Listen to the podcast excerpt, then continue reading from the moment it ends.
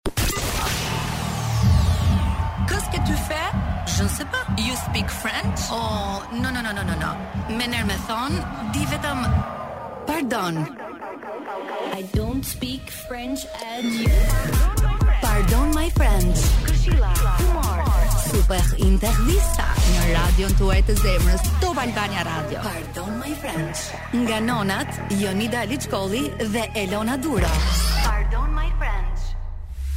Hello, Përshëndetje të gjithëve. Mirë se vini në Pardon My Friends. Ju nuk e shihni, po unë dhe Lei po kënaqim syt me më të bukurën e tokës që sot e kemi në Top Albania Radio. Në plot kuptimin e fjalës. Për herë të parë Shqipëria sjell një kuror kaq të rëndësishme dhe është Drita Ziri në këtë studio së bashku me producentin e njohur Petri Bozo. Mirë se vini. Faleminderit Petri Bozo. Faleminderit, faleminderit.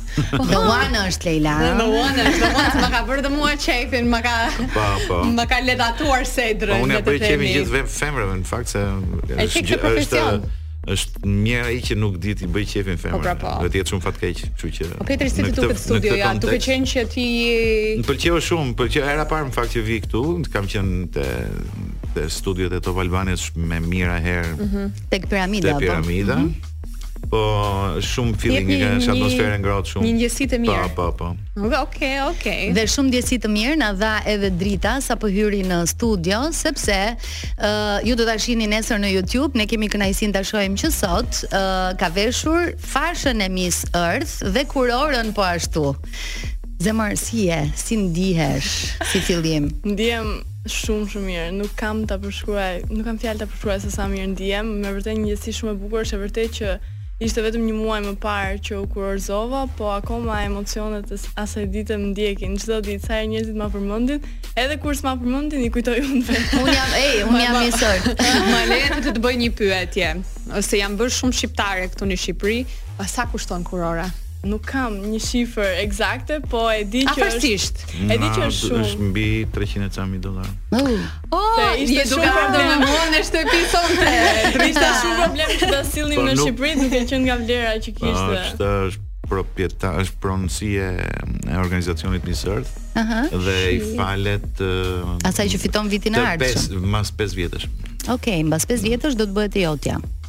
Nuk e dim. Ah, Atë s'e dim. Shpresoj. E rëndësishme është që në 2023-shin ti pate mundësinë që Shqipërisë t'i sillje për herë të parë një kuror kaq të rëndësishme sepse janë katër kompeticione të rëndësishme në botë që janë Miss uh, World, Miss uh, po Universe, po Miss Earth dhe Miss Globe dhe Miss International. Jo, janë në, në top 10-ën e botës ku bën pjesë edhe organizacioni jonë Miss Globe. Mm -hmm. Ne jemi aktualisht në renditemi të gjashtët.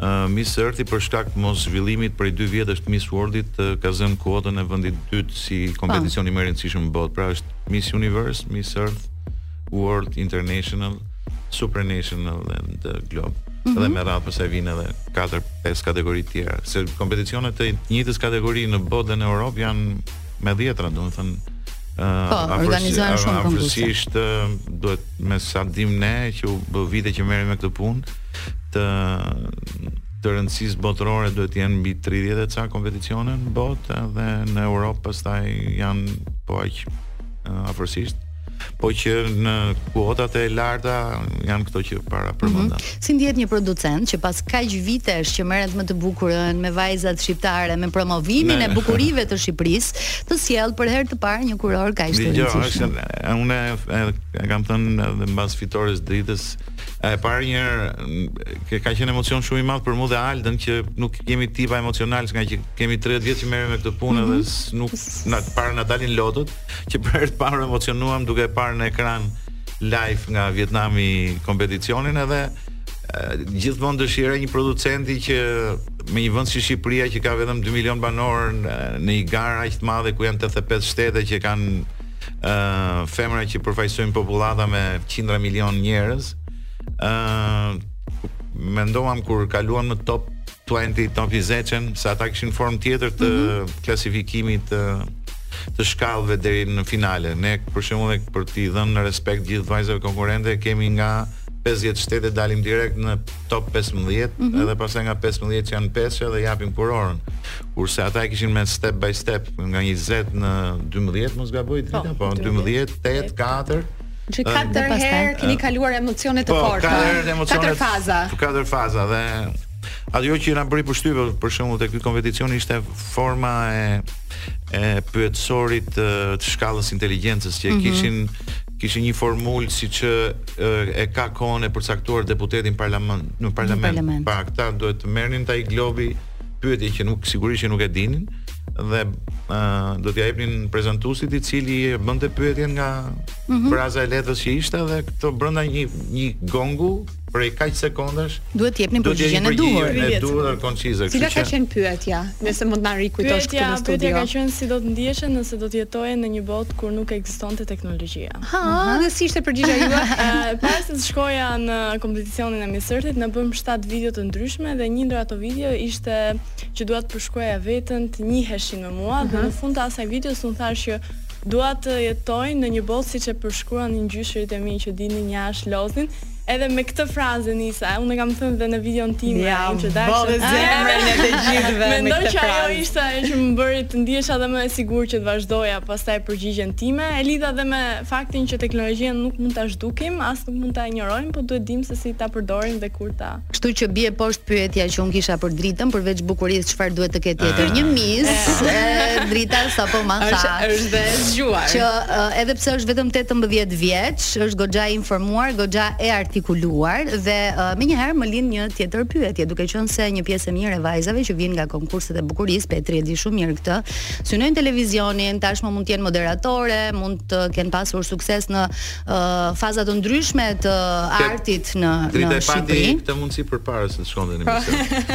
Domethënë ne kemi formulë. Po. Me gocat po. e gocat që kemi, po e bëm prezantuese të festivalit të klipit, pastaj e bëm bashkëprezantuese të Miss-it. I promovoni uh, po, gjithmonë vajzat. Kishte, kishte një një background shumë pozitiv edhe i dha shumë dorë në fakt sidomos prezantimin Miss Globe sepse të gjithë drejtorët nacionalë që sillnin shtetet tu të që përfaqësonin shtetet e tyre, i bënin tifozlik për për Dritën në oh, vërtet shikoja, domethënë që atë flamurin shqiptar shikoja nga drejtorët nacionalë, sidomos kur u bëmë pak vajza që ishim te top 10-shja dhe nëse ato nuk kishin shtetin e tyre në top 10-shja, mm -hmm. më mhm. mbështesnin mua. Ah, sa bukur. Dhe është vërtet ndjesi e bukur se jemi në një shtet, një kontinent komplet tjetër dhe nuk ke njerëz që të mbështesin, njerëz që të njohin apo që i njeh, mm -hmm. po mhm. të shohësh njerëz që të mbështesin edhe pse nuk të njohin çdo ditë, Është vërtet bukur dhe të jep një forcë. Pra televizioni është një synim i yti. Absolutisht. Po edhe ka qenë pjesë e televizionit, duke përfshirë edhe tek E diela Drita, kështu që nuk është larg po, televizionit. Po tani që është nisur spak. I takon një shkallë,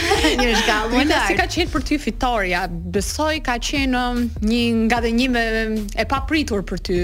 Domethënë një habi E prisje këtë fitore? E papritur ishte sepse nuk nuk e besoja që Do t'i jepnin një shans Shqipërisë apo do na shihnin të gjithë shtetet në mënyrën e duhur, se siç e tha dhe Petri ka shtete që kanë shumë suport, ka shtete që i vlerësojnë shumë eventet e bukurisë dhe i mbështesin uh, kandidatët e tyre që çojnë nëpër këto evente të rëndësishme, por që jo nuk ndodhi. Ne ishim shumë të përgatitur, mm -hmm. isha dhe Nuk e di sa kohë ka që kurora e, e Miss Earth nuk vinte në Europë, nuk e di. Diku mbi 10 vite, 12 vite diçka. Që nuk e nuk ekzistonte fare në kontinentin evropian. për po. ta sjell jo këtu në Evropë. Petri si funksionon? Bëni ju aplikimin për të qenë pjesë apo merrni ftesën nga kompeticione kaq të rëndësishme? Domethënë organizacioni qendror i Miss Earth-it kërkoi nga Deliarti duke duke pasur informacion se mhm. ça bëjmë ne se u bë 26 vjet që bëjmë kompeticionin më të madh të bukurisë shqiptare që të sillnim një kandidate që të përfaqësonte Shqipërinë. Praktikisht me rregullin që ne kemi ndjekur deri tani duhet të ishte një nga vajzat e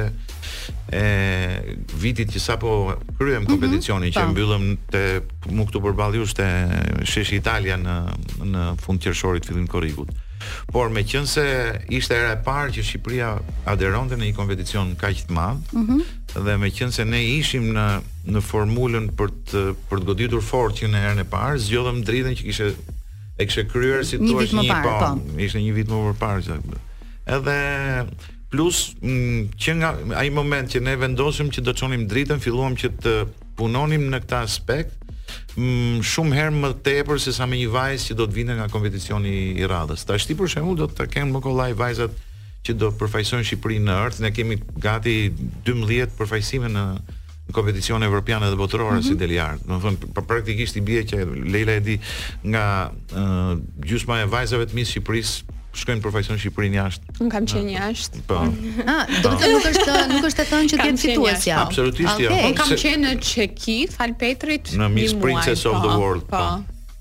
Po, po, jam, jam e kënaqur. Çdo emision zbuloj diçka për ty. Po, Megjithatë do të flasim ende më gjatë. Na falni për frëngjishten, po Dritën e kemi shumë të bukur. Edhe përveçse e bukur, po kuptojmë që është goxha e artikuluar dhe janë shtuar shumë ndjekësit në Instagram.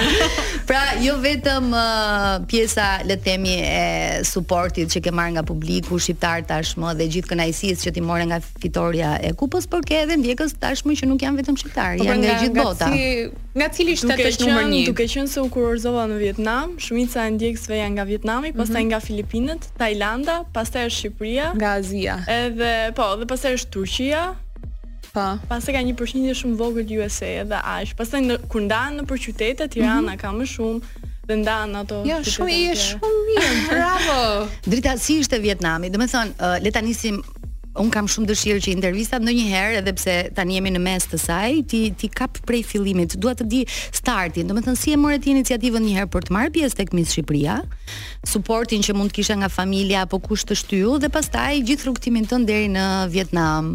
Domethënë si ishte Vietnami, ti ke ndenjtur një muaj atje po. apo jo?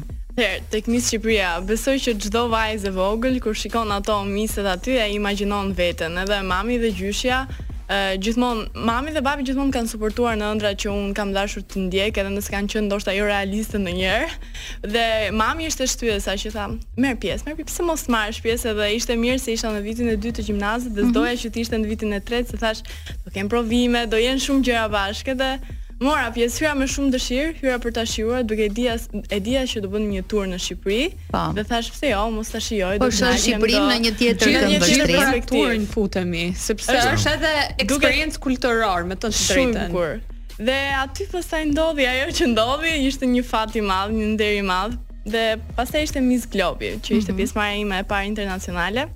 Ë isha në vendin e tretë, shoqëruesja mm -hmm. e dytë e misit edhe që atëherë akoma mbaj lidhjen me vajzën që ishte nga Tajlanda dhe ajo ishte një suport i madh atje dhe tha, okay. nëse mund të vi do të vi, po fatkeqësisht ngaqë u ndru, ndrua data e mm -hmm. kompeticionit, nuk mundi që të vinte. Pastaj duke marr pjesë edhe si moderatore në Netët e Klipit dhe në Miss Globe, absolutisht që kisha dëshirë që ta provoja edhe një herë një skenë internacionale duke për përfaqësuar Shqipërinë se është me vërtet një ndjenjë e bukur e ku më mirë që ta provosh dy herë këtë ndjenjë. Jo, në fakt po atë se po kujtohem tashi që Frenki punoi shumë fort uh, me gjithë ekipin e uh, postproduksionit për të bërë klipe të mrekullueshme për Shqipërinë që lidheshin po, me me, me tokën po, po dhe Ata kishin një klasifikim vetëm për videoklipet. Ne dolëm në top 10-shën në Ishim gjithmonë në top 5 në top 10-shë. Në top 10-shën e klasifikimeve. Videoklipeve më më të mira të realizuara. Pra kemi përfaqësuar edhe bukuritë natyrore po, po, shqiptare. Gjithçka. Po. E vetmja e vetmja hatërngelje që unë mendoj që nuk e di pse ndodh rëndom te liderat suprem që kemi ne është që pse asnjë nga këta nuk u kujtu ta priste një një pritje zyrtare çupën mbas kthimit në atdhe se i kemi parë që presin lloj-lloj boksieri futbolli mundësi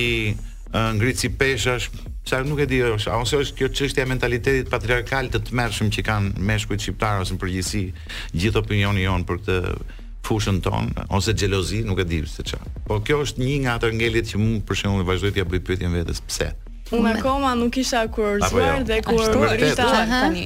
Kur mbërrita në Vietnam kisha njerëz që më prisnin. Nuk e prisja fare. Thashë, kush do të vijë që të presë Shqipërinë në aeroport, ishte vonë, ishte darkë, thashë nuk kam, nuk besoj, por që kisha njerëz aty që më prisnin me buqeta me lule, me dhurata, edhe kisha stafin ndërkohë që më thonte të lutem mos bëj foto dhe aty isha e shokuar sepse me vërtet nuk prisja që të kisha njerëz të më thonin Mos bëj foto po eja se duhet të ikim te hoteli. Se kemi një protokoll për të ndjekur. Është vërtet edhe kanë kanë shumë protokolle. Nuk nuk e prisja fare. Pastaj diçka që ishte shumë e ngjashme me Shqipërinë ishin mm -hmm. njerëzit, shumë të ngrohtë, donin që të të prezantonin me kulturën e tyre dhe dhe kur thoje fraza të vogla në gjuhën vietnameze ishin vërtet shumë të lumtur edhe kënaqeshin. Se me anglishtën nuk janë shumë mirë, po aq sa të kuptoheshin po, dinin. Kuptoheshin.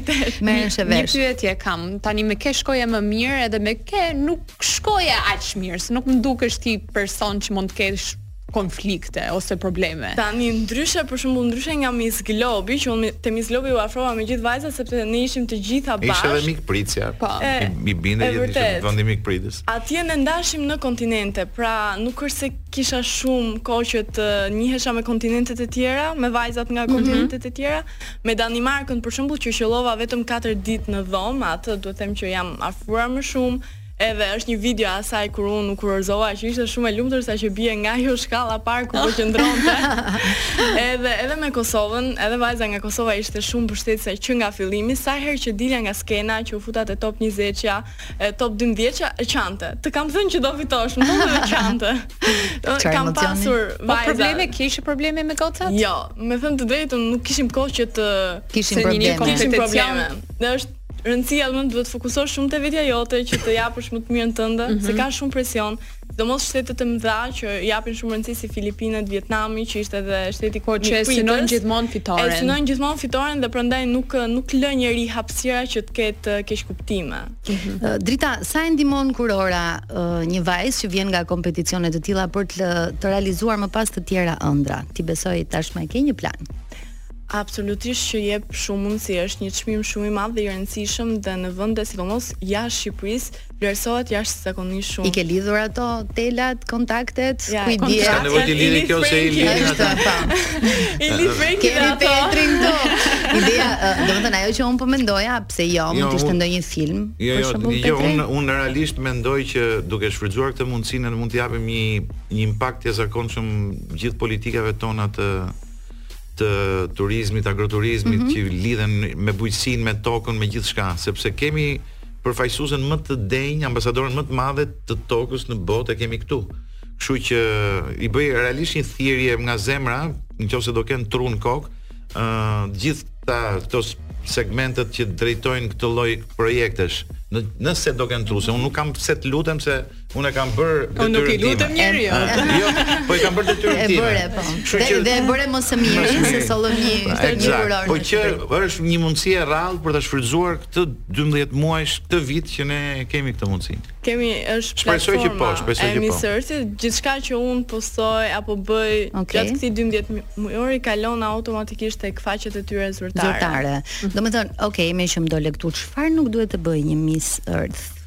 Pra çfarë të ndalohet ty Drita?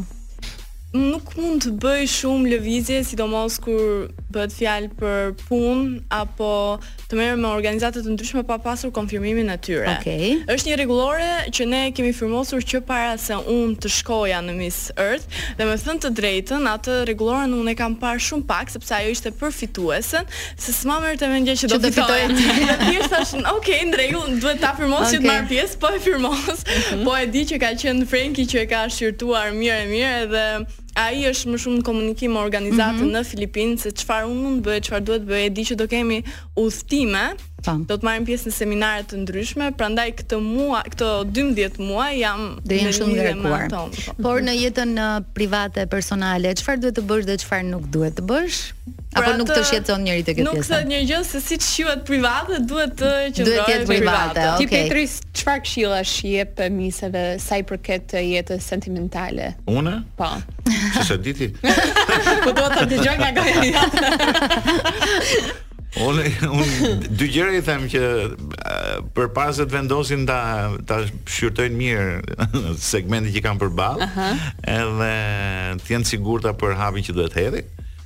edhe të fokusohen te ato dëshira. Do të shfaqen shumë në publik. Ato dëshira që kanë, po pse jo, nëse kanë talent për të shfaqur, është absolutisht po.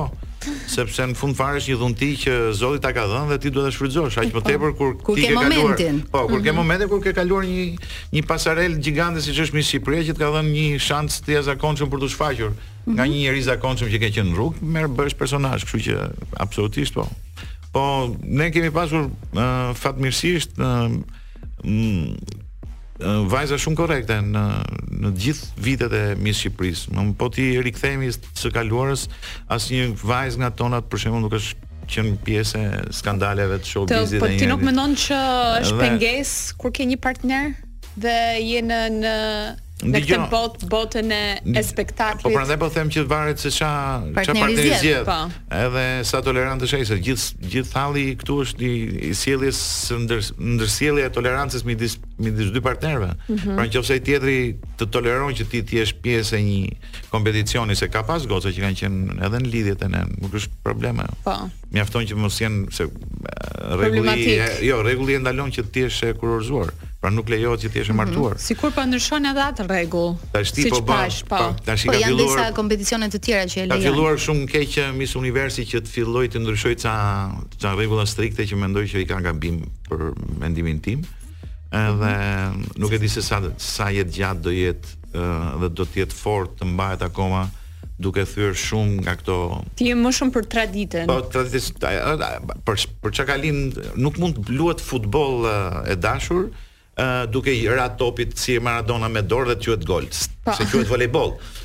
Pra e njëjta gjë është me me tradicionalin e një kompeticioni misi. Tradicionalja është po. vajza të jetë e re të po. mos ketë uh, angazhime familjare, familjare apo fëmijë. Dhe po. meqë dole këtu, ditën e Sepse jo, po ka ka kompeticion ekstra për atë punë që quhet misis. Ah, okay. Po. Dhe e ka djeshme në Big Brother uh, Albania VIP, nuk e di a e pe, ja. në prime-in e djeshëm është futur një vajzë që ka qenë Miss Londra, është nënë ajo dhe ishte 28 apo 29 vjeç. Po, pak a po. shumë. Ë, uh, domethënë ti nuk je dakord për këtë lloj pjesëmarrje. Pra duhet të ketë një limit ose të quhet Mrs.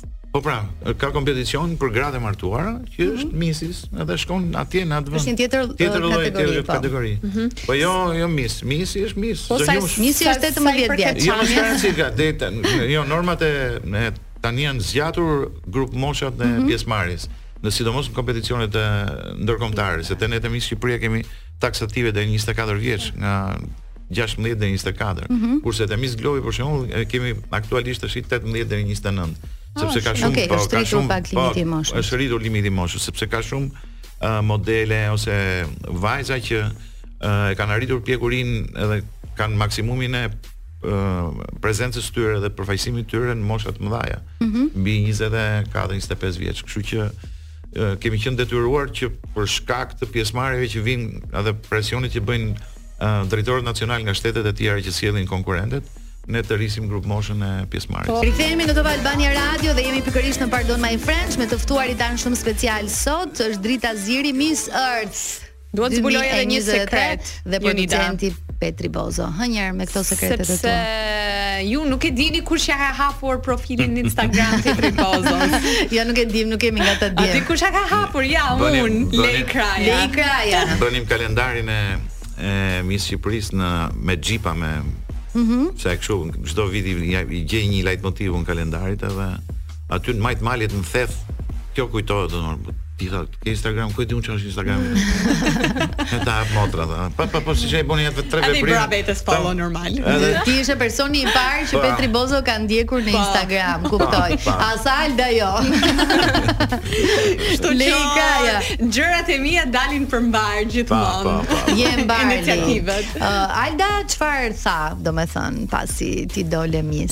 Se besoj që Alda është emocionuar shumë. Shumë, shumë. Nuk e di pse i përjeton më shumë se ty ajo të gjitha kompeticionet që bëni. Po se e ka ë e ka gjendjen emocionale e ka një çik më ë, është më kështu. Çfarë do të thotë më kështu? Bën domethënë dridhe. Është pak më emotive. Është fiçi fiçi Emotiv. zjarre. Po si po si është të punojë gjithë familja për uh, të gjitha produksionet e tua? Pra a, a Bukur, ziheni me shumë. njëri tjetrin? Sigurisht, më, pa A keni mosmarrëveshje? As nuk eh, diskutohet. Kush të kundërshton më shumë? Djali apo vajza? Ne, jo.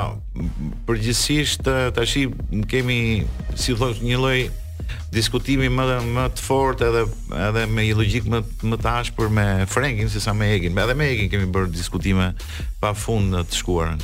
Se Egin tash s'e kemi këtu është në Toronto momentalisht. Po, po. Por ë eh, Pjesa e një produksioni familje ka një ka një të mirë të madhe që të gjithë ata që që janë bashkuar familjes Deliartit, duken sikur janë pjesë e familjes tonë.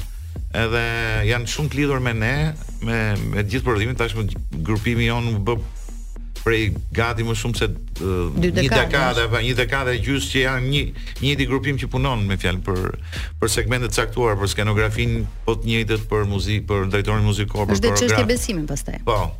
Kështu që jemi jemi konsoliduar jashtë mase. Në familje sigurisht që do kesh do kesh përplasje sepse ka të bësh me krijimtari. Uh, qoftë se Alda ka një mendim për të bërë një zgjidhje nga pikpamja e skenarit për diçka, unë do ta kundërshtoj për atë që më do vijë mua më shumë për shtat. derisa të arrijmë në një mesatare që është e vlefshme për të gjithë palët. Një rrugë të mesme. Ose me time motër që bën pjesën e skenës, e skenografisë, sigurisht mm -hmm. që ajo ka dhe ajo ka një problem tjetër se zihet me grushta pastaj me pjesën e e serviseve të realizuesit të skenës të të, të ekraneve të lighting Derisa ta çoj aty ku do atë dimensionin e vet. Po, në fund fare është kënaqësia është e jashtëzakonshme kur ti realizon gjë të mirë, e lën gjurmën tënde aty dhe publiku të don se ajo rezultatin e shohim te njerëzit e thjeshtë në rrugë, nuk nuk pres që të kemi një kritik të mrekullueshëm arti këtu që të diskutoj mbi bazë kritike reale mm -hmm. atë që ndodh. A kemi kala të tjera apo i kemi eksploruar të gjitha? Uh, shumë e bukur një fakt që më ndodhi vetëm para 10 ditësh, do ta përmend, sepse një, për një pjesë të gjësë quaj veten dhe fajtor që nuk kisha informacion. Po në në atë vrullin e jashtëzakonshëm që ne përpiqemi që të gjejmë lokacionin e ardhshëm të Miss Shqipërisë pa mbaruar mm -hmm. ky që ke në dorë. Uh, ideja ishte kur e mbyllëm këtu te kolona, thamë ky do të jetë monumenti i fundit pavarësisht se i përket një periudhe të vonshme, po quhet monument sepse e kanë krijuar arkitektë italianë sheshin Italia me kolona. Edhe u mbyll 25 vjet, një çerek shekulli, thamë po fillojmë një dimension të dytë të Miss Shqipërisë. Ne do fillojmë ta bëjmë nëpër qendrat e ririzgjuara të qyteteve, mm -hmm. që mhm. ishte një ide shumë interesante sepse gjithë qytetet kanë marrë një fizionomi po. për hir të së vërtetës shumë të bukur. Edhe sapo negocioja me një bashki për të mbyllur këtë fillimin e plejadës 25 të dytë Miss Shqipërisë, më vjen një video nga ime motër e cila kishte shkuar për të riparuar mbi bazën e një projekti se është arkitekte, ka studio arkitekture, ca fasada pallatesh në një qytet që as nuk e dija që kishte bashki të vetën mm -hmm. dhe mhm. që kishte një kala në mes qytetit. Po? Ky ishte Peqini. No. Oh, no way. No way. Po. Peqini kishte një super kala fushore në dimensione pak më të vogla se mhm. kalaja e Bashtovës, siç ne kemi bërë Miss po. Shqipërinë e 2012-s, me katër torre në të katër këndet. Fiks. Një mrekulli. Do të bëhet finalja në Peqin këtë vit. Me 99% po. Wow. Ashtu, e Peqini nuk është qytet i keq. Është i bukur. kam kam shkuar për vizitë. Unë kam kaluar se na ka çuar Salsano Rapi me stafin e radios në një super restorant për të ngrënë atje. Uh, Drita, ke ndonjë plan në kokën tënde se çfarë do të bësh më pas? Ti më the që e pëlqen televizionin, por a, a ke menduar se ku do të fokusohesh apo je shumë mirë tek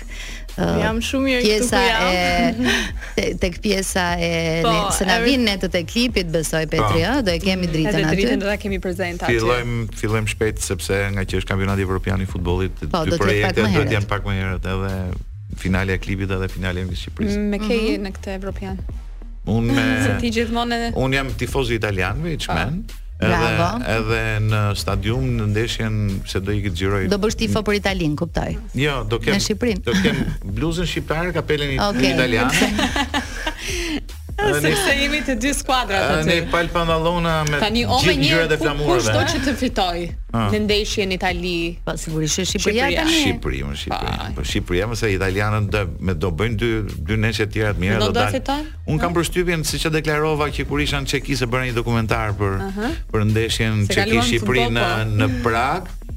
Edhe kisha një ide shumë interesante që dy fitueset e Miss Çekisë, uh mhm. -huh. fitueset fituese domethënë të kurorës Miss Çekisë në vitin 2021 dhe 2022 i vura i vesha me bluzën e kombëtares shqiptare, i bëra fan klubin shqiptar dhe këto dy u bënin intervista pjesëtarëve të federatës sonë ah, të futbollit. Regjisor po, tjetër po, normal me vizion. Edhe në momentin që njëra prej këtyre intervistoi Armand Dukën te hoteli ku rrinte kombëtarja, ë uh, i tha unë me zemër tha, dua që të fitojë Çekia në grup. Mm -hmm.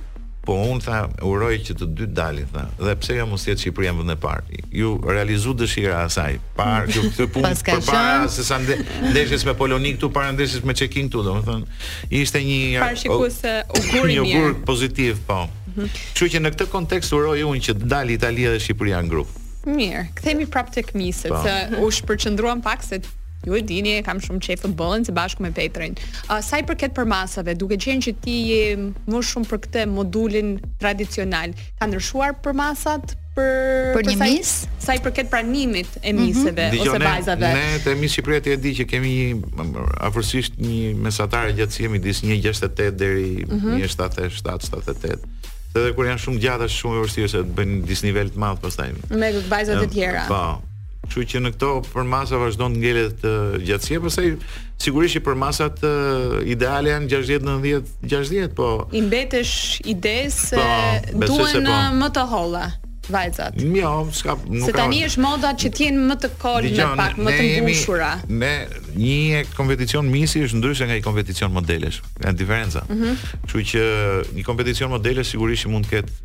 nivele tjera të kërkesës për për masat. Do, do gjatësinë mbase pak më të madhe, do trupa më të hollë, më elegant, kurse misi është tradicionalist për masat ideale të femrës janë ato që janë. Mm -hmm. Si, si vazhdojnë 90 60 90, po, aq janë? Po. Okej. Okay. Po. Aty afër jam unë. Po. Fiks. Edhe aty mo. Fiks jam, jam fiks. Drita, uh, sigurisht që shumë e rëndësishme është dhe pjesa që ty të dha një plus shumë të madh në këtë kompeticion, pjesa e përgatitjes apo pjesa edhe e përgjigjes që ti ke dhënë inteligjenca. Flasim pak për shkollën se je vetëm 18 vjeç. Unë kam mbaruar shkollën e baletit, po edhe pse ne kishim shumë aktivitete, mami më është mësuese. Mm -hmm. Që të dy prindërit kanë qenë gjithmonë shumë të jo të ashpër, po kanë qenë shumë kërkues uh, me mua kur vinte puna tek mësimet. Dhe tani po studioj në Universitetin e Barletit për menaxhim turizmi dhe eventesh. Hmm. Bëkan dhe kështu në Universitetin e Baletit? Po. E Barletit, Marin Barleti. Ah, dëgjova të Baleti. Jo, jo. Më jo. pas kanë lënë Petri. Bursa jo. ka jo, qenë, bursa ka qenë nga organizata Miss Shqipërisë. Nga Shqipëria po. po. Ah, shumë shumë mirë. Që Petri edhe i shkollon vajzat, jo vetëm. Edhe i njeh me Shqipërinë, me çdo cep, edhe i fut te bota e turizmit dhe e televizionit. Ekzakt. Kështu që më mirë se kaq nuk besoj që jo. do ishe e kënaqur. Drita jo. pas uh, kurorës të kanë shkruar shumë njerëz nga showbizi shqiptar, vajza, djem. Po, edhe ka pasur, ka pasur njerëz që më kanë shkruar. Mm -hmm. E kam kthyer përgjigje shumë vonë për vetë faktin që unë telefonat nuk i kisha natën finale. Dhe sepse aty kishte një problem shumë të madh me pickpockets që i quajnë, mm -hmm. ishin me vërtet shumë të shkathët, nuk kishe si ta merrje vesh që të ka humbur telefoni pas një dite kur ta kërkoje. Edhe prandaj telefonat nuk i mbajta me vete, edhe kur mbasi fitova, shkuam shumë vonë në hotel dhe të nesërmen në mëngjes u zgjuam dhe kishim direkt fotot uh, zyrtare po. të Miss Earthit. Dhe prandaj kisha kisha pak problem që të lidhesha me njerëzit dhe me mamin dhe me familjen kam folur shumë vonë. Mamit tënd do me thënë i paska rënë Po, po, po. Është një video, e keni parë atë videon që iu bë pritja në Rinas? Po, e kam parë. E kam parë, unë kam parë pjesën kur uh, ti fitove në rrjetet sociale jam informuar të them të drejtën, pastaj e pashë Alda dhe ishte një gjë shumë shumë e bukur. Pra, ë njerëzit kuptuan falë rrjeteve sociale edhe pse ti ishe kundër teknologjisë, që Shqipëria më në fund solli po. një një kurorë të rëndësishme. Mm. Do t'ju kërkoj edhe një herë ndjesë, sepse jemi në Top Albania Radio, Petri e di shumë mirë si yes, funksionon. Yes. Mund ta mësosh dhe ti Drita se ku i dihet më vonë që mm -hmm. kemi pak muzikë dhe publicitet. Pardon my friends, vazhdon edhe për disa minuta të tjera derisa të shkojmë në mbyllje të pjesës së parë dhe me këtë intervistë kaq të këndshme me Petri Bozon dhe me Drita Zirin kemi një mis dhe një producent në studio dhe po flisnim për gocat bukra, për kompeticione serioze, për kurora, për ato që vjen më pas. Dhe ajo që ne uh, po ndaleshim me me Lein ishte pikërisht Kjo pjesa e konkurseve ndërkombëtare. Është hera e parë Petri që ne marrim një kurorë apo kemi qenë dhe herë të tjera pranë një kurore dhe ne thjesht nuk jemi informuar sa ç'duhet për këtë. Jo, ne kemi filluar përfaqësimin e kompeticioneve në botë me pikërisht me Miss Globin që më pas e trashëguam si patentë, tash jemi mhm. pronarë të të kësaj patente shumë të madhe. në Turqi, mbas Miss Shqipërisë së vitit dy mijë e një në Kalanë e Rozafës në Shkodër, ë ishin të ftuar në atë çfaqje ë organizatori i Miss Globe International mm -hmm. që ishte një zotëri turk me origjinë nga ë shqiptarët e e, e Izmirit. Mm -hmm. Ka shumë shqiptarë po. që kanë ikur që në kohën e Skënderbeut. që jetojnë atje. Ky kishte një origjinë të tillë dhe me shumë nostalgji u mrekullu nga çfaqja që bëmë ne dhe ftoi Denisa Çelën që ishte fituesja e kurorës së 2001-shit dhe një nga vajzat e tjera në mos gaboj. Dhe ndërkohë, mm, po, u kujtova, më kërkoi që të të kemi edhe një vajzë tjetër e cila edhe të performonte, po dhe të ishte mm, si thua një lloj përfaqësimi i bukurisë shqiptare dhe mm -hmm. zgjodhëm Çiljetën. Okay. Se Çiljeta sa kishte filluar të pjesën e, e, e muzikës. E muzikës. Edhe ka qenë dhe Gerta, në mos gaboj pjesë e delegacionit, ikëm nga këtu një 4-5 veta. Aty kjo ka qenë prezantimi i parë për ne në fushën e kompeticioneve të bukurisë mm -hmm. në 2001-shin. Mhm. Pastaj vazhdoi uh, gradualisht çdo gjë dhe pastaj me me njofjet që bëmë dhe me me fillimin e, e Miss Globit në 2004 që kemi bërë me Top Channelin në amfiteatrin e Durrësit Në ato vite fillova të krijoja të krijoja lidhje të tjera dhe menjëherë në po në vitin 2004, meqense në amfiteatrin e Durrësit u kurorëzua fituese e kurorës Miss Globit, Kristina uh, Slavinska, Miss Rusia e atij viti, po në në nëntor a dhjetor në Rusi në Moskë bëhej një nga patentat e Charlie See-t, pra, mm -hmm. se Charlie ishte emër shumë i madh i i kompeticioneve të bukurisë botërore, quhej Godfather i i, mm -hmm. i si thosh babagjyshi i kompeticioneve të bukurisë botërore. Mm -hmm. Si një padrino. Po il padrino, po Godfather sepse ashtu quhej, sepse kishte filluar karrierën në Hollywood si fotograf nëpërmjet fotografive të tij u zbulua Marilyn Monroe. Mm -hmm.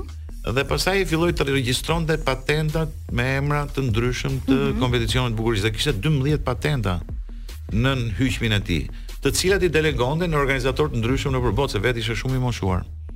Kështu që kur shkuam në Moskë, ë uh, Enkeleda Bargjo që ishte fituesja e kurorës mm -hmm. Miss Shqipërisë në 2004 që kishte marrë pjesë edhe te te Miss Globi 2 muaj përpara ishte zgjedhur në top 5-shin pati fatin që të fitonte kurorën, po ishte një kompeticion relativisht i vogël, domethënë ishin gati 30 30 e ca shtete që që merrnin pjesë. Gjithsesi, quhet një fitore e rëndësishme prapë në historikun e fitoreve të të vajzave shqiptare në botë. Kurse Drita absolutisht ka kurorën më të madhe edhe më të fuqishme.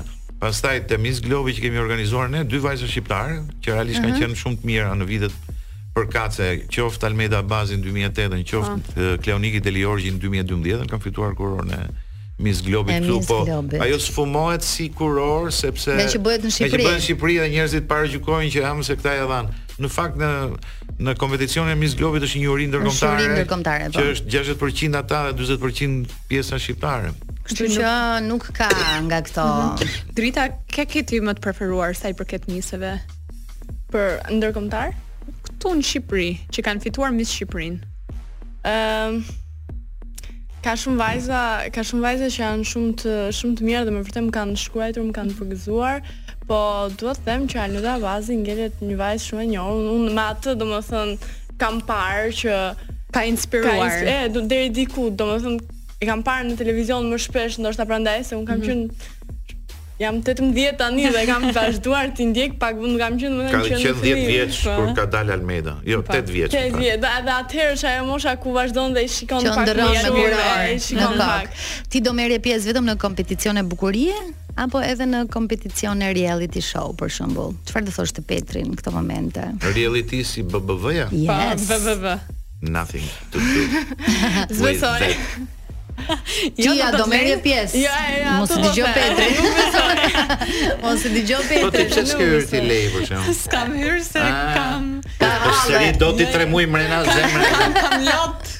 Më rrjedhin lotët gjithë kohën. ka ka shumë emocione Leila. Jam shumë emotive. Drita, të urojmë shumë shumë suksese. Ishte shumë kënaqësi që ishe në radio, na solle një energji shumë të mirë dhe jo vetëm për pamjen se na solle edhe këtë kurorën, domethënë studioja jonë tani ka vlerën e 300 kusur mijë eurove me gjithë kurorën e Dritës. Ë uh, të urojmë shumë suksese dhe shpresojmë shumë dhe jemi të bindura besoj për këtë që çdo dëshirë jotja që lidhet jo vetëm me kurorën, po dhe me ëndrrat e tua sa i përket televizionit të të realizohen pse jo. Faleminderit. Petri, je gjithmonë the one and only. Thank you very much ladies. Faleminderit që ishe me ne në radio që ndamë së bashku këtë uh, emocion edhe pse jo shpresojmë që Shqipëria të sjellë ende kurora të bukura në në Adeo. Amin. Edhe t'i presin ashtu siç doje ti. Patjetër që po do, do fillojnë të ndërgjegjësohen këta, po mbase avash, mbase avash. mbas 40 vjeçarit tjetër mendoj. Shiko, unë besoj që duhet merrni dhe një ekip të mirë PR-i, që ta bombardojë rrjetin, Po. kupton? Ja. Të bëjnë një Jemi kështu në fund të pjesës së parë. Faleminderit edhe një herë që ishit në studio. Ne do dëgjojmë për kënaqësinë e Petrit, po dhe për të gjithë ata që e adhurojnë muzikën e Celentanos. Është non stop Una cosa fare. Ha Petri, ta plotësuam me këtë dëshirë. Nuk dimë çfarë të bëjmë më, thjesht. Çfarë kemi çfarë bëjmë? Ju urojmë shumë fat. Kthehemi në pjesën e dytë të programit. Ju dëgjuat Gwen Stefani dhe Akon The Sweet Escape. Na ktheu në vite kjo këngë edhe na ktheu në vitet kur Gwen Stefani ishte. Gwen Stefani ishte hot. Pra vazhdon të jetë, ëh, vazhdon të jetë. Mua më ka ngelur mendja tek kurora, tek Drita që kishim këtu.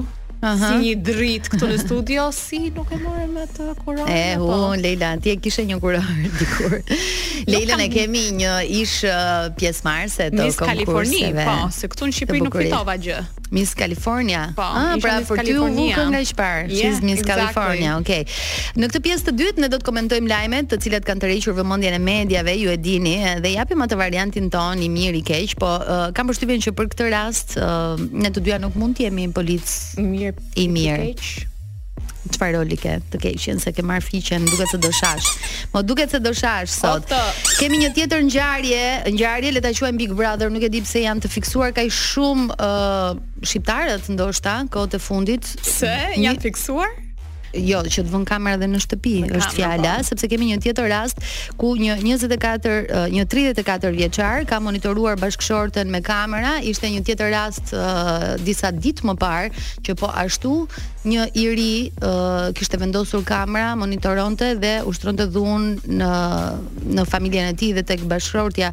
Kështu që janë disa raste problematike që tashmë po vijnë në pah. Ajo që më shqetëson mua, po, është Çfarë po ndodh me këta njerëz? Pse nuk kërkojnë ndihmë kur kanë nevojë për trajtim dhe tjetra, pse gruaja e rastit konkret dha një deklaratë ku uh, ishte dakord dhe po e mbronte bashkëshortin që kamerat edhe mund të vendosen, aty kanë qenë gjithë kohës, e, si duket presioni, frikë, apo presion frikë, ose për shkak të fëmijëve shumë njerëz pranojnë uh, lloj-lloj çudirash, ëh, Nuk është habi që të pendohen për një për një deklaratë që kanë thënë dhe pastaj ta justifikojnë bashkëshortin, bashkëshorten në mënyrë që uh, të mbahet familja bashkë, po ose si mund ta bësh një gjë të tillë. Domethën monitorimi nëpërmjet kamerave, uh, më duket pak i frikshëm sepse 1964 tërë. Deri në një farë pike mund ta quash xhelozi, por nuk është xhelozi. I tejkalon limitet për mendimin tim. Është një çmenduri edhe siç thua ti, duhet të kërkojë ndihmë. Ndihmë duhet se s'bën. Dhe gratë që mund të jenë në një presion të tillë, edhe ato po ashtu duhet të kërkojnë ndihmë. Është normale të kërkosh ndihmë. Gjithë kemi patur probleme, kemi shkuar në psikolog, kemi shkuar për të kërkuar ndihmë. Është më se normale, përse? Përse? Edhe një person afër meje mund të më thotë, "Ok, nuk je mirë këtë periudhë." Shko te psikologu. Ty të ka ndodhur? Po, kam shkuar te psikologu. Jo, që të ta thonë njerëzit që po, ke afër. Po. Leila, kam... nuk je mirë, Leila. Po, ma ke thënë ti vjet. Ma kanë thënë shumë, mi? po, ma kanë thënë shumë veta që në një periudhë se prandaj u preka dhe kaq shumë me këtë rast. Është normale që të kesh probleme psikologjike. Nuk është normale që të mos kërkosh ndihmë. Jemi gjithë njerëz. Kështu që edhe unë kam kërkuar ndihmë. Është është më se normale. Nuk është turp të kërkosh ndihmë, sepse ndodhin gjëra të tilla dhe këto kanë pasoja shumë shumë më të rënda në të ardhmen sigurisht. Ë uh, ideja është që kohët e fundit po dëgjojmë shumë lajme që kanë të bëjnë me dhunën, kanë të bëjnë me trysninë, kanë të kanë të bëjnë me kontrollin dhe kanë të bëjnë me faktin që Gratë dhe vajzat po e pranojnë si gjë. E pranojnë dhe justifikojnë më, më pas, sepse siç thashë, duan ta ruajnë atë familjen, duan të ruhen në sy të publikut, opinionit publik, po ç'të duhet ty opinioni publik kur nuk je mirë fare nga ana psikologjike.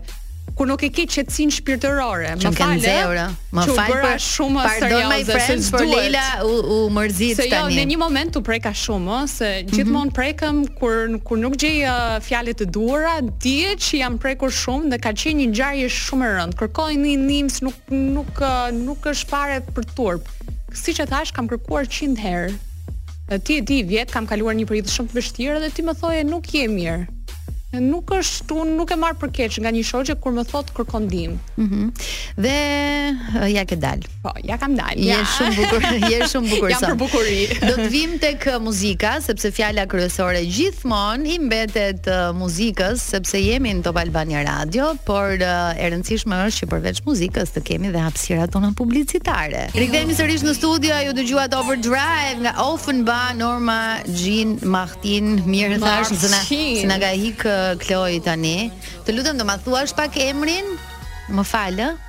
Se ma ke thënë nja tre herë, po. Artem ta gëzosh emrin, uh, ma ka thënë nja tre herë me thënë drejtën, po nona ka filluar ta zë skleroza. uh, po na shoqëron sot në këtë program, edhe besoj e kuptuat që Kloj e ka lënë pak gjurmën e saj, nesër do ta kemi Kloj në transmetim. Një tjetër lajm po ashtu, ka tërhequr vëmendjen e mbarë opinionit publik është bërë meme, njerëzit po flasin, po diskutojnë, po bëhet humor. Ha, Sa i përket kodit uh, penal, Aha. që mund të bëhet burg deri në 3 vjet, kush tradhton? Njohim shumë njerëz që janë për burg. Me thënë drejtën. Në projektligjin e hedhur për diskutim. Njerëz shumë afër nesh mund të jenë për burg. Oh, shumë shumë hmm. njohim. Tani, në projektligjin po thoja unë Leila, e hedhur për diskutim thuhet se mbajtja e dy ose më shumë martesash në të njëjtën kohë apo bashkëjetesa me një apo më shumë partnerë në të njëjtën kohë dënohet me gjobë ose me burgim deri në 3 vjet. Ju besoj keni parë të gjitha videot, këto vox popet që bëhen nëpër ë rrjetet sociale, të gjitha pyetjet, po shoh kalendarin këtu na ka lënë te shkurti Petri, është kalendari i 2000. Ktheu, ktheu bisedën, të lutem se e kemi të zjarrtë. Jo, po shihja këtë, po shihja këtë vajzën e bukur që është e shkurtit. Për shkakun që në pamje të parë m'u duk si Beatrix Ramosaj. Po i ngjan shumë. Dhe tani që po mendoj na paska marrë malli për Trixën, ë uh, sepse është larguar nga pjesa e ekranit dhe po mendoja, pra vjen një vajzë e tillë, kaq e bukur, e tundon. partnerin tuaj. Çfarë do bënit në këtë rast? Po mi Jonida, çfarë do bëje? Po çfarë do bëja mi Leila? Njeriu e ka në dorë vetë. Zgjedh të divorcohet. Nuk, nuk, okay. Zgjedh të divorcohet. Zgjedh të tradhtojë. Uh, pra flas për të dyja palët, pra i tradhtuari zgjedh ose ta falë, të vazhdojë jetën edhe nuk e di a do përsëritet ende kjo gjë, zgjedh të divorcohet sepse nuk e fal tradhtinë, zgjedh të jetë edhe besnik, edhe nëse shfaqet një vajzë kaq e bukur përballë syve të tij. Por çfarë ndodh me këto gra? Mhm, mm është dhe për gratë uh, dënimi, po, po, po, po, po. Që ta dish domethënë. Okej, okay, edhe anasjelltas. Mhm. Mm çfarë ndodh kur ato bien dakord me këtë gjë? Çfarë ndodh? Janë dakord, ok, kanë mbyllur një sy. Unë e pranoj që burri im të ketë një dashnore. Kjo është kleçka që unë s'e kam kuptuar ende. Çfarë do ndodhë në këtë rast? Po. Kur partnerët bien dakord dhe të vazhdojnë jetën në këtë lloj. Kanë bërë një kompromis të gjithë, të tre në këtë marrëdhënie. Mm -hmm. Nëse janë dakord, janë në paqe, mirë e bukur, nuk po them ok paqe plotësisht, por janë ok që lidhja të vazhdojë kështu, çfarë ndodh? Për... Nuk e di pse për uh, shqiptarët u bë kaq uh, humoristike situata, sepse uh, unë mendoj që kemi çështje më të rëndësishme për të hartuar për të vënë ligje dhe projektligje për të aprovuar, siç është çështja e dhunës, abuzimet e shumë të tjera me radhë, të cilat uh, shpesh herë kemi qenë dhe vetë dëshmitarë, sepse kemi ndjekur lajmet apo kronikat e zeza kur uh, nuk marrin dënimin e merituar dhe abuzohet pastaj akoma dhe më shumë derisa kemi pasur edhe humbje jete të grave dhe vajzave. Kështu që po. këto janë vendime më të rëndësishme mendoj unë se sa fakti për të vendosur një ligj të tillë që mund të jetë kundër tradhtisë bigamisë apo për bigaminë jam shumë okay ja, sepse jemi të gjithë dakord për këtë sepse okay. Sepse uh, mund të divorcohesh dhe pastaj të rimartohesh sërish. Pjesa e tradhtisë është pak, domethënë lë vend për diskutim siç e the edhe ti. Nëse partnerët janë dakord, jo, jo, se kush dënohet dhe kush burgoset. Në realitetin, këtu në Shqipëri, jo vetëm në Shqipëri, flasim kot vetëm në Shqipëri, uh, janë njerëz çifte që kanë rënë dakord që thonë ok, ta mbajmë familjen së bashku dhe burri ose gruaja le të vazhdojë jetën e tyre. Çfarë ndodh kur janë në paqe me këtë fakt? Mhm. Mm Duhet dënuar. E pra kjo është kleçka që nuk apo thjesht është një gjobë shumë e madhe. Nuk e dimë akoma. Ndoshta kur bëhet denoncimi dhe dënohet. Domethënë në një moment nervozizmi mund të denoncoj po, burri ose gruaja më ka tradhtuar këtë nuk nuk nuk është e sqaruar një gjë te ky projekt. Ka ca çështje të pashqyrtuara mirë e mirë. Te zona e, e gri. E rëndësishme është që kemi bërë shumë humor, e rëndësishme është që të gjitha ne apo partnerët kanë bërë humor me këtë, Flas në sens direkt sulmi është more vesh ti. Bëj gafë dhe më tradhto. 3 vjet burg. Ke për të bërë. Dëgjo, po jam jam pa fjalë. Domethënë i bie shumë njerëz janë për burg. Ha, jam duke menduar për miq tanë që do futen në burg. Ti ke ndërmend të denoncosh ndonjë apo? Sa të duash. Ja ku jemi sërish bashkë për të folur për të tjera lajme që kanë tërhequr vëmendjen. Është publikuar një video nga policia e shtetit shqiptar për sa i përket këmbësorëve që duhet të respektojnë rregullat e qarkullimit, lollimit, sidomos atyre që kalojnë në vijat e bardha me semafor. Me semafor të kuq. Ëm Ha, Ide... Junida na thuaj. opinionin. Unë jam pro gjobave edhe për këmsorët, sepse më ka ndodhur shumë herë që futen kur semafori është i kuq me të drejtën për të kaluar makinat dhe jo këmsorët. Po, edhe edhe të shofin me inat. Që nuk ua hape rrugën. Po. Dhe nuk ndalove që ata të kalojnë me semafor të kuq. Kur jam në timon jam kështu. Mos u nxef, mos u nxef, mos u nxef. Pastaj kur jam këmbësore them po prit o vlla. Sa të kaloj dhe unë, po ti kalon në semafor të kuq. I respekton rregullat e qarkullimit. Unë unë i respektoj si jam amerikane, por ka raste që, që edhe unë abuzoj. Që ti për të takuar shoqen, që është te trotuari tjetër dhe nuk e di pse nuk prisni dot dhe 30 sekonda sa të hapet e drejta për të kaluar. 2 sekonda. 2 sekonda është, shkojnë si pulë pa pa kokë, po në autostradë. Kur e presin rrugën në autostradë, aty pastaj jo Jo ecje, po sprint, bëjnë sprint, bëjnë kështu lloj lloj aventurash. Ka ndodhur një episod adrenalinë. Pse kërkon me kalu, me kalu makinat. jo, a din çfarë kam inat? Jo këmbësorët. Janë ato me monopatat, menopauzat, që janë ato. Që si quhen mi ata? Ha, mi ti, skuterat. Monopat. Për zotin, ata, ata duan ndaluar.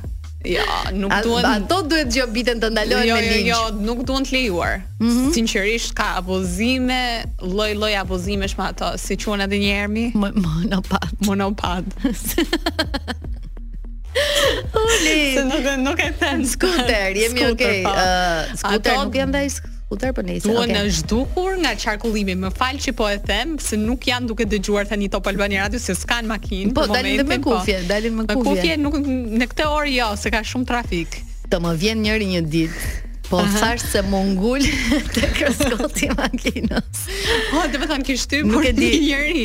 Jo, domethënë frenuam të dy, por u ngul ai shumë sa ishte gati duke u rrëzuar, se po. ishte me aq shpejtësi sa nuk mundi ta menaxhonte pastaj timonin e kësaj menopauzës. Menopauzë. Kurse një nga menopauzat, që që ta dish ti Unita më shtypi këtu afër Oh, paske shpëtuar mirë. Afër Top Albania Radio. Sepse po. tezja e bashkëshortit tim operoi kaviljen nga këta me monopatin. Kështu që e përplasi. Kundër këtyre. E përplasi. Kundër, kundër, kështu që duhen zhdukur. Përveç Ndërsa... vijave të bardha, policia e shtetit duhet marr masa dhe për këto mendoj unë. Po.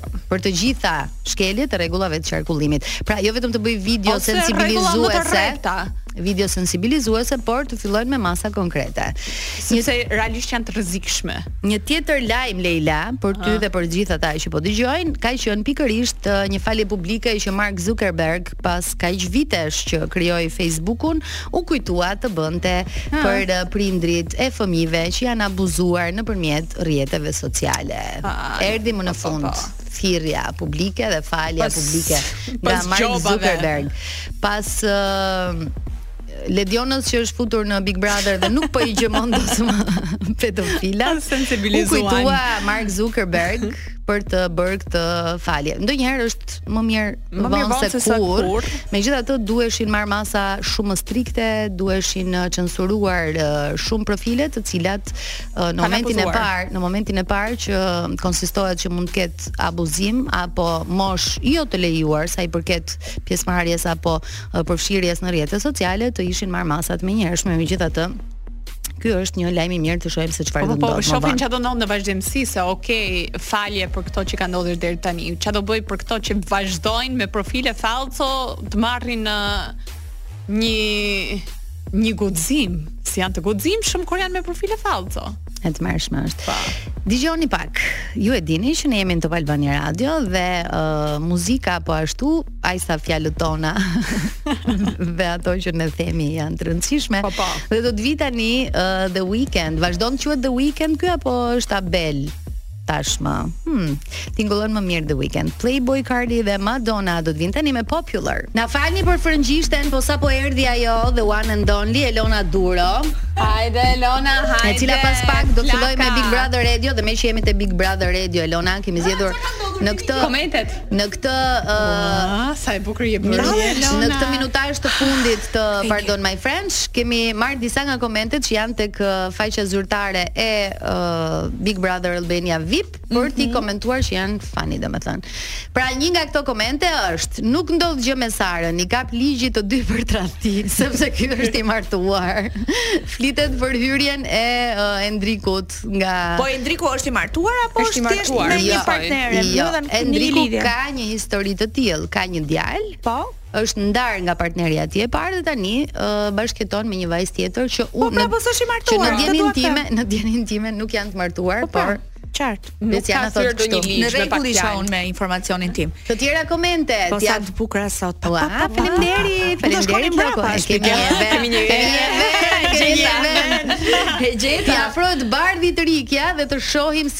Sa shumë dhe si do e këshillojë Sara. Në fakt edhe unë nuk do isha shumë e qetë nëse Rikja do ishte afër ndonjë mashkulli tim të zemrës. Po hmm. Sara shkretë sa bëri dhe puthjen.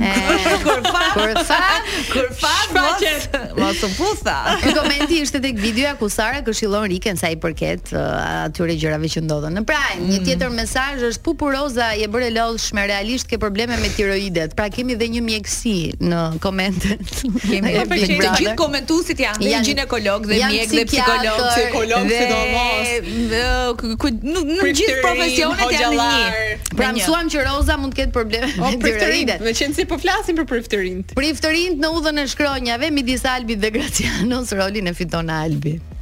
Si të duket ty? Kush e fiton? Predikues. Ai të gjithmonë. E ke vënë re pashë tani duke i thënë Romeos po e ke keq kuptu. Domethënë ah. pasi bëri një super deklaratë jo, për gjithë Shqipërinë. Jo, e ke keq kuptu. Ma jep çikën se nuk doja të thoja që je pa këllçe, po je pa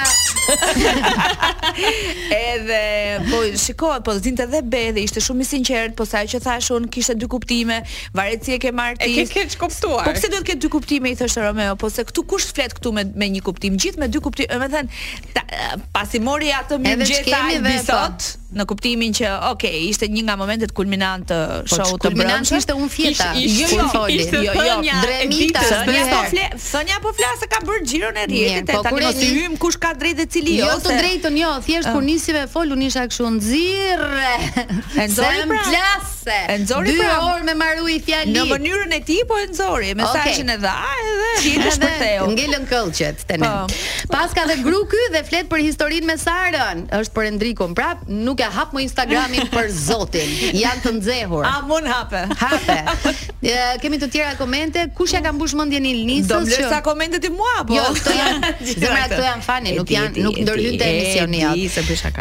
Kush ia ka mbush mendjen i- ti e ke për dinamikat zemra, këto janë kështu. Unë jam dinamit. Ë, Janë pjesë e kreativitetit. Kush ia ka mbush mendjen Ildisës që kushdo është në nominim përballë saj, është i humbur mos e bëftë pika në hajrit. në fakt, në fakt, në fakt kemi në Instagram Elona ti e di më mirë se uh, flisni edhe komentoni në Big Brother Radio që do të vijë pas pak, prandaj ta përgatita terrenin. Yes, nxemja. Uh, që njerëzit janë bërë të frikshëm në rrjetet sociale. Domethënë kanë marrë super xhiro. Nuk e di, ku, ok, janë ca fansa që janë të lezetshëm, që pra edhe kur bëjnë një kritikë nuk i kalojnë ato limitet e çmendurive që mund t'ju nxjerrë goja, por pjesa më e madhe po të hysh në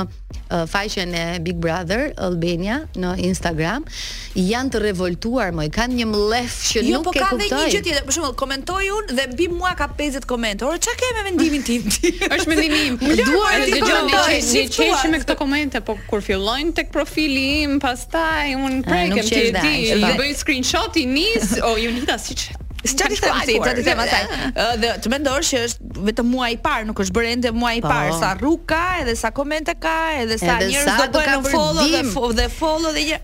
Oh, tani Loku na tregon një çik se çfarë do të ketë Big Brother Radio sot. Unë sot studion e kam plot dhe kam zgjedhur një treshe shumë simpatike nga trupa e baletit të Top Channel. Mm -hmm. Do jetë Gigi.